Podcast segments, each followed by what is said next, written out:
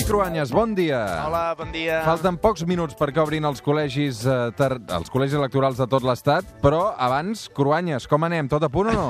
Sí, portem una setmana una mica complicada compaginant els telenotícies i, i la preparació de l'especial d'aquesta nit. A veure, sí, tu fas l'especial a TV3, a Catalunya Ràdio també ho seguirem intensament amb aquest programa que comença, amb l'Òscar Fernández i la Mònica, t'arribes aquest vespre en aquesta nit electoral. A, a la tele t'he anat espiant per xarxes i totes aquestes imatges que heu anat amb, amb, amb, penjant amb la líder. Teniu un plató espaterrant, eh? Sí, sí, la veritat és que l'espectacularitat del plató espero que es transmeti després amb la pantalla perquè juguem amb la realitat virtual i, i la part del plató físic també juguem amb una càmera al mig de la taula, és eh, una mica...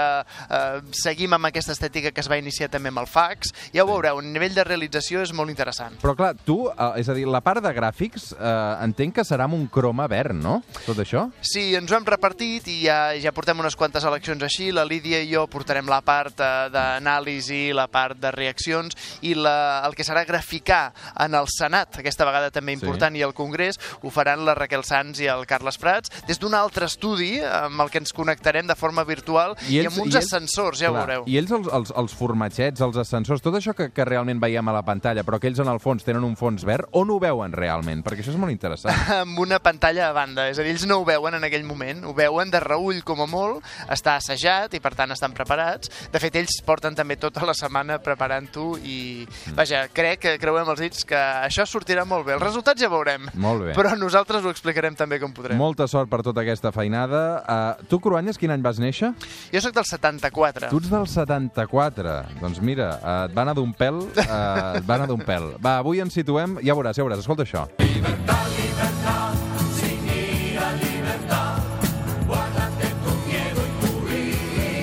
Aquesta és la banda sonora de les primeres eleccions després del franquisme, 15 de juny de 1977. Sí, i van ser un dimecres. Era un dia laborable, amb un permís retribuït de 4 hores perquè es volia assegurar que hi hagués una participació alta. I, de fet, va ser així. Va votar un 78% del cens, més de 18 milions de persones. I en aquell moment, fer un programa especial de televisió no devia tenir res a veure amb el que estem preparant avui. Devia ser impensable. Impensable perquè, per falta d'experiència, van trigar dos dies a recomptar els vots. De fet, l'endemà de les eleccions a la tarda només tenien l'11% escrutat, imaginem-ho, eh? l'endemà. En general va ser una jornada electoral tranquil·la, però no ens ho podem ni imaginar ara. En aquell moment hi va haver una quinzena d'explosions d'uns artefactes que no van causar cap víctima i que eren protestes dels franquistes nostàlgics, de l'extrema dreta, que estaven en contra de la democràcia, de les eleccions. Però això no treu que hi va haver moltes cues als col·legis perquè la gent estava il·lusionada. Des de les eleccions de febrer del 1936 no hi havia hagut eleccions normals, eleccions democràtiques. Per tant, per la immensa majoria de la població, aquella va ser la primera vegada. I així fent cua, educat de mano tanda. La Trinca, una altra de les bandes sonores també inevitables d'aquella època, eh? Home, ja escoltaràs que els més grans que ens estan escoltant avui els sonaran moltes veus que sentirem. Per arribar a aquella jornada electoral, el president del govern espanyol, Adolfo Suárez, va pilotar una operació política d'alta complexitat. Per una banda, era l'oportunitat de convertir Espanya en una democràcia homologable a la dels països veïns, però també volia contentar els membres del règim que no volien deixar el poder. Ell mateix comptava amb la confiança del rei, de bona part de l'exèrcit i de l'aparell governamental franquista i va fer alguns passos que hem de dir que ser audaços. Señoras y señores, hace unos momentos fuentes autorizadas del Ministerio de la Gobernación han confirmado que el Partido Comunista perdón, que el Partido Comunista de España ha quedado legalizado. Increïble perquè el locutor, que és Alejo García, um, s'ofega. No sé si dels nervis o arriba apurat a l'estudi, no? Com, com un sanglot per Sí. la importància d'aquella notícia, Clar. impensable només unes hores abans, potser, no? Suárez va legalitzar, com escoltàvem, ara el Partit Comunista d'Espanya. Sí, i ho va fer amb un divendres sant d'aquell mateix 1977. Això va permetre que els comunistes es presentessin a les eleccions del cap de dos mesos. Lo que los comunistas queremos de todo corazón es que en España no vuelva a haber una nueva guerra civil. Santiago Carrillo, i amb, amb la legalització dels comunistes, eh, Toni Suárez va ser valent o va ser un càlcul electoral, això? Home, segur que va ser una mica les dues coses, perquè els militars i els franquistes més recalcitrants es van escandalitzar. Però també és veritat que amb els comunistes es va debilitar les opcions de guanyar les eleccions per part dels socialistes. De fet, el PSOE no tenia en els seus plans que aparegués un rival per l'esquerra a dos mesos de les eleccions, i Suárez va garantir-se un sistema electoral proporcional, però amb correcció majoritària, que més donava més representació a les províncies rurals. D'aquesta manera va pensar que els vots conservadors segurament pesarien més al Congrés que...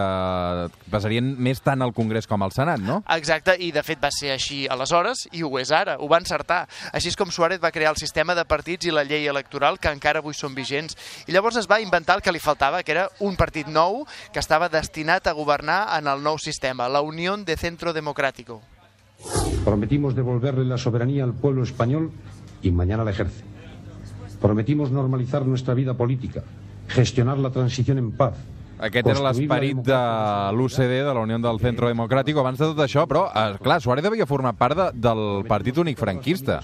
Sí, a més, l'operació de creació de la UCD hi va participar-hi tothom, fins i tot el rei s'ha sabut anys després que va demanar personalment diners al Xà de Pèrsia, 10 milions de dòlars per al finançament d'aquest partit, justament per justificar que era la millor manera de controlar el nou sistema democràtic. Per tant, tant Suárez com els Azules, que és com s'anomenava la seva gent, van controlar molt bé l'aparell de propaganda de l'Estat i juntament amb el rei van saber projectar una imatge de futur que els espanyols van comprar majoritàriament. En canvi, van castigar els representants de l'ala més carca del franquisme, Alianza Popular, encapçalada per Manuel Fraga.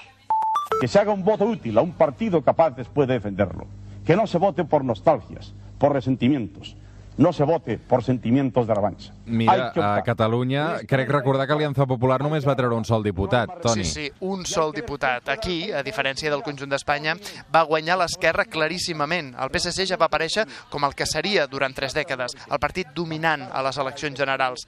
Llavors va ser amb 15 escons. El PSUC, 8. Esquerra Republicana també va treure només un diputat. I Jordi Pujol, que aleshores va encapçalar una llista que es deia Pacte Democràtic, va tenir 11 diputats. I Felipe González, evidentment, va sortir reforçat d'aquelles primeres eleccions. Algun d'aquells noms, com Felipe González, sobretot els més joves d'aquella època, els vam sentir durant molts anys. I és que la gran conclusió d'aquella jornada electoral és que es van imposar les ales moderades, tant a l'esquerra com a la dreta. La UCD i el PSOE van sumar gairebé el 70% dels vots. És un bipartidisme imperfecte, però que va durar molts anys, amb la substitució després de la UCD pel Partit Popular. I no va ser ben bé fins al 2015 que va canviar el sistema, fa quatre dies, i va passar a tenir quatre grans partits espanyols com els actuals, o potser cinc. Para la libertad. Sangro lucho per el vivo. Avui hem repassat la història abans d'esbrinar què passarà aquesta nit. Eh, L'estat d'ànim de les eleccions del 77 no té res a veure amb el- les d'avui, amb les d'aquest 2019. Veurem com acaba tot plegat. Eh, és per això que avui també eh, posem aquest altre himne de la transició per arribar fins a les 9 del matí per a la llibertat, evidentment, de Joan Manel Serrat. M'agrada molt Joan Manel Serrat, eh? molt? Molt encertat, soc, El- soc el- molt fan. El vam entrevistar per la Marató, mira, uh, fa uns mesos, i fantàstic també. Bueno, es fa escoltar. Que hem de, vull dir, no descobrim ningú, no crec? Totalment, no descobrim ningú. Molts ànims per aquesta nit, eh, Toni? Et deixarem descansar una mica perquè, evidentment, avui anireu a dormir tard. Moltes gràcies a vosaltres, molta sort. Retoñarán aladas de savia sin otoño, reliquias de mi cuerpo que pierdo en cada herida. Porque soy como el árbol talado que retoño, aún tengo la vida, aún tengo la vida.